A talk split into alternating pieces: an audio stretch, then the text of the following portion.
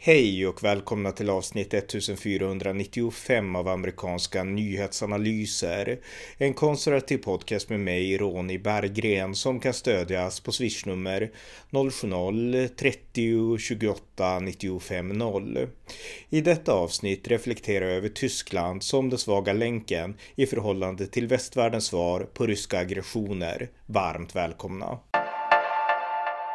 Ja, jag tänkte göra en uppdatering i förhållande till eh, den upptrappade konflikten om Ukraina. Och eh, just nu idag så är det den 15 februari och många bedömare tror att Ryssland skulle kunna gå in i Ukraina, kanske till och med inom det närmsta dygnet. En militär eh, operation i Ukraina om inte annat. Eh, om inte annat inom de närmsta dagarna. Eh, ingen vet exakt såklart, mer än Putin och den ryska ledningen själv, hur de tänker exakt om Ukraina, men många bedömare i väst gör den bedömningen. Och eh, vi får se hur, hur det liksom, liksom slutar i, i det avseendet. Eh, Tysklands förbundskansler Olof Scholz, han har nyss besökt Moskva, träffat Vladimir Putin som har sagt att fortfarande så man öppna för förhandlingsspåret om NATO är beredda att eh, ja, inte släppa in Ukraina i NATO och eh, ja, liksom inte trappa upp med liksom robotar och liknande. Så att då finns det en väg för förhandling. Men Ryssland kommer ändå inte kompromissa med sin linje. Eh, det är lite det som är budskapet om. Och eh, Ja, eh, vi får se helt enkelt om Ryssland går in i Ukraina eller inte, men det är det som väst befarar. Men det är inte konflikten i sig jag primärt kommer att prata om i den här podden, utan jag vill prata om det som är eh, Europas svaga länk i förhållande till att kunna ha en enad front mot den här potentiella ryska aggressionen. Och den svaga länken här, det är Tyskland. Tyskland är ett väldigt viktigt land i Europa. Det är Europas mest folkrika land. Det är Europas största ekonomi och det är såklart en extremt tung aktör i EU.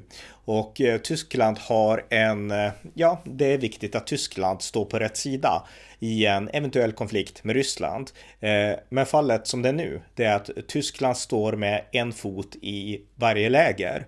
Och för några dagar sedan så besökte eh, Olof Scholz, eh, Tysklands nya förbundskansler då, också Washington DC, träffade USAs president Joe Biden och de höll en presskonferens och Biden var väldigt tydlig där med att om Ryssland går in i Ukraina, då kommer det inte bli någonting av Nord Stream 2, den här eh, ledningen då under Östersjön mellan Ryssland och Tyskland för att leverera tysk eh, naturgas till, till eh, rysk naturgas till Tyskland det kommer inte bli något av den, sa, sa Joe Biden. Och uh, Olof Scholz, han stod där och uh, ja, han sa att vi ska ha en enad linje, men han sa inte ett ord om att uh, Nord Stream 2 skulle stoppas. Och det fick mig att liksom tänka lite grann på det här att det här är ju en väldigt viktig splittring i liksom den här enade fronten mot Ryssland. därför att Nord Stream 2, det är den viktigaste Eh, det, det, det, är den liksom mest, det är den, mest, det är den viktigaste form av sanktion man kan lägga mot Ryssland. Det är att stoppa Nord Stream 2. Och eh, Joe Biden har ju tydligt sagt att USA kommer inte att engagera sig militärt direkt mot Ryssland, utan visst, man kan skicka vapen till Ukraina. Eh, Storbritannien har gjort det, USA har gjort det, eh, men Ukraina får själv slåss för sitt eget land. USA kommer inte göra det och eftersom Ukraina inte är med i NATO så har USA heller ingen plikt att göra det. Och det finns logik i det såklart. Men det är inte så att Ukraina, alltså mot en fullskalig rysk invasion, skulle ha en chans alls på egen hand. Det, det har de inte. Så att alla förstår liksom att genom att säga att det är liksom eh, soldater, amerikanska soldater på marken inte ett alternativ så är det en eftergift till Ryssland. Och eh, det gör också att USA bara har ett vapen kvar i arsenalen, sanktioner. Och där har USA pratat om att sanktionera, alltså ända upp till Putin själv och personer och liknande. Men när jag läst om det här så bedömer de flesta att det här är för svaga sanktioner. Ryssland kommer inte att skrämmas av det här. Om de anser att det är värt att invadera Ukraina så kommer de här sanktionerna inte att bita tillräckligt mycket för att avskräcka Ryssland. Och det är det det här måste handla om, avskräckning. Det enda som verkligen skulle kunna avskräcka Ryssland, enligt de liksom, analyser jag har läst, det är att Nord Stream 2 stoppas. Och eh, Kommer det att göra det? Ja, det är en fråga som fortfarande är öppet för diskussion. Men ska vi börja lyssna på det här samtalet mellan Joe Biden och Olaf Scholz så är det inte alls säkert att Tyskland vill gå på den linjen. Och jag ska förklara i det här poddavsnittet varför Tyskland är skeptisk till USAs linje här och varför det gör Tyskland till just den svaga länken i att stå emot ryska aggressioner. Och eh, jag har läst en artikel som, som tar upp det här och den artikeln heter eh, den heter The History Behind Germany's Nuclear Phase-Out och den går att läsa på eh, sajten Journalism for the Energy Transition, eh, cleanenergywire.org och den här artikeln skrevs av eh, Kirstin Appun eh, den 9 mars 2021, så att eh, en nästan ett år gammal artikel då. Men det som gör den här artikeln intressant, det är bakgrunden till eh, Nord Stream 2 och den här politiken som nu förs från Tysklands sida i förhållande till Ryssland. Så att jag ska ge lite bakgrund och sen så ska jag dra mina egna liksom Eh, mitt eget resonemang kring det här. Men utifrån den här artikeln i alla fall så har Tyskland i 20 års tid arbetat för någonting som heter energivände, alltså energiomställning. Eh, och då har man då alltså önskat eh, fasa ut alla fossila bränslen och kärnkraft också och få till stånd en helt grön energi. Och det är Tysklands mål. Och eh, i den här processen så har just kärnkraft varit en viktig grej att, att fasa ut. Tyskland kommer nu i år, om de inte ändrar sig, att stänga ner sina sista kärnkraftverk och bli helt kärnkraftfria. Och eh, i en grön värld så är det såklart jättebra. Alltså om man bara kan tänka sig att bara vi stänger ner kärnkraften så blir allt frid och fröjd. Men det är ju inte så enkelt för att man behöver ju någon annan alternativ energikälla som kan ersätta kärnkraften. Och Tyskland har inte det ännu och det vet man. Men det har också gjort att då har man istället för grön energi blivit beroende av rysk naturgas och det gör att man nu har ett jätteberoende av den här naturgasen då som Eh, Ryssland förser främst genom Nord Stream 1 men även liksom genom andra olika eh, ledningar via Ukraina och liknande. Och eh, Ryssland, Tyskland då, deras motstånd mot kärnkraft, det har funnits väldigt länge. Det började på 70-talet enligt den här artikeln och det var många protester eh, 1975 i i, eh, när det skulle startas upp ett kärnkraftverk i Vyl, Vul, jag vet inte hur man uttalar namnet, i liksom delstaten Baden-Württemberg. Eh, och eh, man lyckades då stoppa konstruktionen av den, det kärnkraftverket. Sen i samband med den här kärnkraftsolyckan i USA 1979 i Harrisburg i eh, Pennsylvania, då var det 200 000 tyskar som protesterade i Hannover och i Bonn mot, eh, mot kärnkraft, att det skulle inte användas och mot liksom, eh, ja, att liksom slutförvar och liknande saker. Eh, och eh, 1980, då föddes Tysklands gröna parti, eh, som, som det nu har gått ganska bra för då. Och eh, de föddes på grund av kärnkraftsfrågan. Så att kärnkraft har varit en viktig del i liksom eh, Tysklands politiska diskussion, alltså motståndet mot kärnkraft. Eh, Tjernobylolyckan i dagens Ukraina 1986, det gjorde också att eh, fruktan och rädslan för kärnkraft blev ännu större i Tyskland och det blev i princip en konsensus om att liksom eh, kärnkraft skulle fasas ut och eh, den här processen började på allvar när eh, eh, eh Socialdemokraterna och de gröna vann parlamentsvalen 1998 och eh, Gerhard Schröder, Socialdemokraten då, blev, blev förbundskansler. Och då nådde man någonting som heter kärnkraftskonsensus. Och det handlade om att man skulle Eh, fasa ut kärnkraften och eh, den senaste, ja 2022, alltså i år, så skulle det sista kärnkraftverket stänga. Och eh, man stängde redan från början två kärnkraftverk. Det gjordes 2003 och 2005 och det var kärnkraftverken i Stade och Obrigheim som, som då stoppades, stängdes 2003 och 2005. Men oppositionen då, på den tiden, Kristdemokraterna, de var kritiska till att Socialdemokraterna och de gröna ville göra det här. Och Angela Merkel då, som ledde oppositionen, hon sa att det var en när man nu stängde kärnkraftverken så var det att förstöra nationell egendom. Det var så hon betecknade Eh, nedstängningen av kärnkraft redan då. Så att Kristdemokraterna var kritiska till det här och tyckte att det här är, det är inte bra, eh, kände, kände många då. Och när Kristdemokraterna själv senare då vann valet 2009 så bildade man en koalitionsregering då och eh, Angela Merkel blev förbundskansler och eh, då beslöt man att förlänga liksom livstiden. Man backade inte helt från det här med att fasa ut, men man skulle ändå förlänga livstiden för, för kärnkraftverken. Och eh, ja, man tog in med positiv hållning för att förenkla saken enkelt då eh, utifrån den här artikeln. Men sen hände en sak 2011 och det var såklart den här stora kärnkraftskatastrofen i Fukushima i Japan då den 11 mars 2011. Och det här var ju, jag minns det här väldigt väl, jag hängde med och skrev mycket om det här på amerikanska nyhetsanalyser.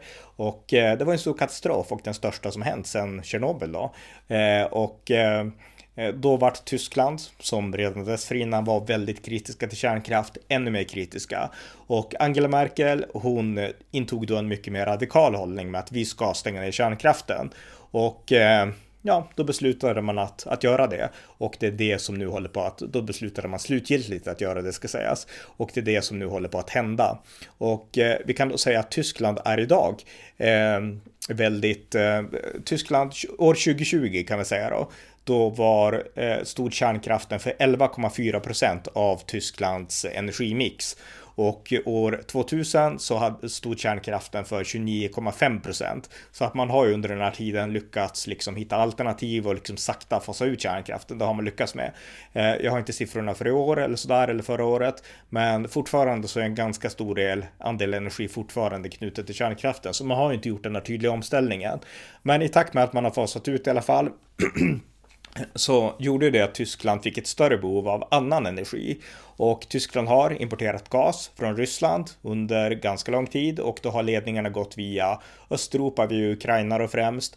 Och eh, man började då 2011. Eh, då byggde man eh, Nord Stream 1 som det heter nu då. Eh, den här ledningen, gasledningen under, under Östersjön då till Tyskland, alltså en direktförbindelse med Ryssland så man kommer bort från de här äh, ledningarna som går genom andra länder och som gör att priserna blir högre och liknande. Så att nu kan man köpa direkt, direkt från Ryssland då. Och eh, det här äh, firades eh, 2011 så firade man bygget av det här och Angela Merkel träffade då eh, Rysslands dåvarande president, den här eh, interimspresidenten Dmitrij Medvedev som, som egentligen, ja, det var förmodligen Putin som styrde i alla fall då, men han var president då och eh, Frankrikes premiärminister Francois Fillon och eh, även Nederländernas eh, premiärminister då Mark Rutte.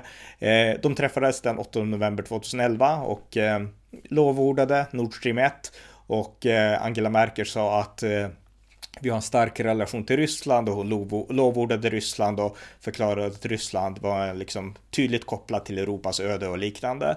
Så att eh, det var den ledningen som byggde då. Men i takt med att Tyskland har fortsatt fasa ut kärnkraft eh, så har man fått ett ännu större behov av rysk gas. Därför att det är ju inte så att eh, sol eller vindkraft eller sådär kan liksom tillgodose det, energi på det sätt som kärnkraftverken kunde. Så att eh, man föreslog ganska snabbt att vi behöver en ledning till till Ryssland och det är det som kallas då Nord Stream 2. Och Nord Stream 2 har byggts upp under ganska många år. Det varit ett break 2015 i samband med att eh, eh, Ryssland invaderade, ja Ukraina tog Krim kan man säga då. Då blev det olika sanktioner och så här och det vart ett uppehåll ett tag. Men så fortsatte man bygga den här pipelinen och den vart klar i somras 2021 och eh, den är väl i princip färdigbyggd nu, tror jag i alla fall. Eh, men den är inte igångsatt utan det är väl några sådana små saker som måste göras innan man kan börja leverera gas. Och USA har varit väldigt kritiska mot det här. Eh, Trump-administrationen sa tydligt nej och eh, eh, de var väldigt eh, kritiska till, till Tyskland. Och jag tror att det var Rick Renell som var USAs Tysklands ambassadör under, under Donald Trump. Jag ska kolla det på Wikipedia men så jag resonerar lite här. Eh, jag tror att han var, ska jag kolla, Germany. Ja, jag hittar inte nu, men jag, jag, tror att han, jo men här har vi precis, han var ambassadör till Tyskland då, mellan 2017 och eh, 2020, Rick Renell. Och han var väldigt kritisk till Tysklands eh, eh, smått undergivna inställning till Ryssland. Han var också kritisk till att Tyskland eh, ville få igång eh, eh, kärnavtalet med Iran, där USA och Israel också var väldigt kritiska. Så att Rick Renell var kritisk till Tysklands linje. Han tyckte att Tyskland hade en alldeles för eh, ja, ett förhållningssätt till liksom det som USA betraktade som fientliga aktörer så hade Tyskland ett alldeles för vänskapligt förhållningssätt, tyckte han då, eh, Trumps ambassadör. Så att det var lite av USAs inställning och vi ska komma ihåg att Gerhard Schröder Eh, socialdemokraterna när han var förbundskansler och kandiderade till omval. Jag vet inte vilket år det var, om det var 2006 eller 2 eller någonting. Det, jag, har ingen, jag är ingen expert på tysk politik, men jag vet i alla fall att han kampanjade stenhårt mot George W. Bush Eh, han menade att Bush var en krigshetsare och att Bush var en i princip en dålig man. Och jag tror till och med att Gerhard Schröder gjorde en slags parallell mellan Bush och Hitler, vilket är rätt absurt för att komma från en tysk politiker. Men det var något åt det hållet som bollades av honom, så att det här var en person som jag minns att alla konservativa avskydde Gerhard Schröder. Och därför så vart ju alla lättade när Angela Merkel tog över och det vart liksom ändå någon med lite mer hyfs och fason och sådär. Och som ändå fattade att USA är ett, eh, ja, ett bra land och ett väldigt vettigt land och att Tyskland har hur mycket som helst att vara tacksamma till USA för. Eh, så att vi gladde oss alla när Merkel tog över ledarskapet från Socialdemokraterna. Eh, men likväl så har Tyskland stått och liksom balanserat även under Angela Merkel med liksom en mjuk linje mot Ryssland och en mjuk linje mot eh, mot, eh, mot Iran till exempel då och det är utifrån en amerikan, ett amerikanskt perspektiv. Så att Nord Stream 2 i alla fall, eh, det, det, det, är redo att, att börja användas nu och eh, USAs linje då, det är helt enkelt att eh, om Ryssland går in i Ukraina, då blir det inget Nord Stream 2. Men här står alltså Tyskland på ja, inför USA så säger man att vi, vi ska lösa det här diplomatiskt, diplomatiskt och vi ska pressa Ryssland. Men enda sättet att göra det konkret så att det biter, det är att inte använda sig av Nord Stream 2. Men genom Tysklands politik där man då har demonterat eh, kärnkraften så är man ändå helt beroende av Ryssland. Och rent realpolitiskt, alltså om Tyskland måste välja mellan att eh, att eh, stå på god fot med USA eller att inte få liksom energi till sina fabriker, till sina hus och sådana saker. Då tror jag nog att man kommer vara väldigt realistiska och välja energin från Ryssland. Och jag tror även väljarna i Tyskland kommer att välja det, därför att ingen vill vara strömlös, ingen vill betala massvis av pengar för energi och ingen vill frysa och liknande. Så det här är ganska, liksom realpolitiken kommer liksom att påverka hur tyskarna agerar och hur Tysklands regering agerar. Och eh, där kommer Tyskland förmodligen att ställas på fel sida. och det är det jag vill påpeka med det här då, att det Tyskland gör helt enkelt, det är att man ja, man hamnar fel på grund av att man har gjort sig beroende av, av den här ryska gasen. Och det finns ju en ideologisk anledning till att man har gjort sig så här beroende av rysk gas. Och det är den gröna politiken. Eh, jag tycker att det är viktigt med, med grön energi. Men man kan inte för liksom de här gröna idealens och idéernas skull kasta all realpolitik över bord. Och det är precis det Tyskland har gjort Eh, genom att göra en snabb grön omställning utan att liksom ha förutsättningarna för det. Och då har man alltså inte tagit den här extremt viktiga säkerhetsaspekten i akt, alltså relationen till, till Ryssland och att man blir uppbunden av Ryssland och liknande och att man blir så, på så vis blir också eh, Rysslands länk in i Europa och Europas svaga länk i förhållande till Ryssland. Så att Tyskland har gjort så här utan att ta de säkerhetspolitiska aspekterna i åtanke och det är ansvarslöst och det visar också på en ideologisk svaghet där man har satt eh, utopisk idealism, den gröna idealismen och ekonomiska intressen för den ideologiska idealismen, alltså tron på demokratier och allt det här som väst står för, marknadsekonomi, men även synen på att vi är mot totalitarism och liksom att vi står upp för fria Eh, enskilda nationer. Eh, och eh, där har Tyskland kompromissat och vi kunde se det nu här veckan när England, Storbritannien inte fick flyga krigsmateriel över tyskt luftrum till Ukraina. Och orsaken till det, det beror ju på såklart att Tyskland är rädd för hur Ryssland ska reagera. Tänk om Ryssland stänger kranen, eh, då blir det kris i Tyskland. Så att vi har verkligen problem här med Tyskland. Tyskland har blivit den svaga länken och eh, de har blivit det på grund av att de har varit utopiska i sin miljöpolitik och eh, de har helt enkelt valt att binda upp sig till Ryssland istället för att ha sin egen energi, kärnkraft eller se till i ett tidigt skede att importera från andra håll. Så att eh, Tyskland är Europas svaga länk mot rysk aggression och det är bara det jag vill betona här. Och eh, det innebär också att vi kanske borde tänka oss för eh, i förhållande till hur vi ska betrakta Tyskland och Tysklands roll i Europa. Tyskland är ju en extremt tung aktör och det går inte bort sig från Tyskland såklart. Men bör Tyskland verkligen ha de här ledande positionerna som de har när de har tagit så otroligt lite eh, säkerhetspolitiskt tänkande i åtanke? Jag tycker inte det. Och eh, vi kan till listan också lägga att Tyskland också tänkt utopiskt 2015 när man öppnar upp landet för en miljon migranter från olika delar av världen utifrån ett utopiskt tänkande om idén om öppna gränser och humanitaritet och, och liknande.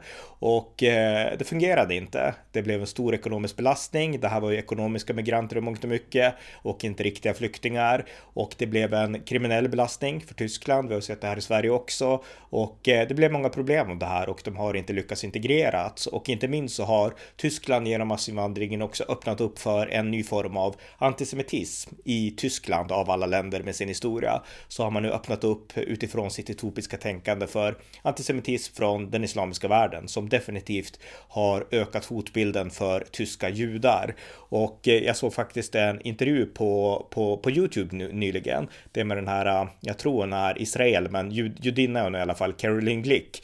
Hon intervjuade en, eh, en journalist eh, för Jerusalem Post som hade varit stationerad i Tyskland i, ja, om det var 12 år eller någonting. Jag har glömt hans namn nu. Men eh, han heter Benjamin någonting, Wiesenthal eller något sådär.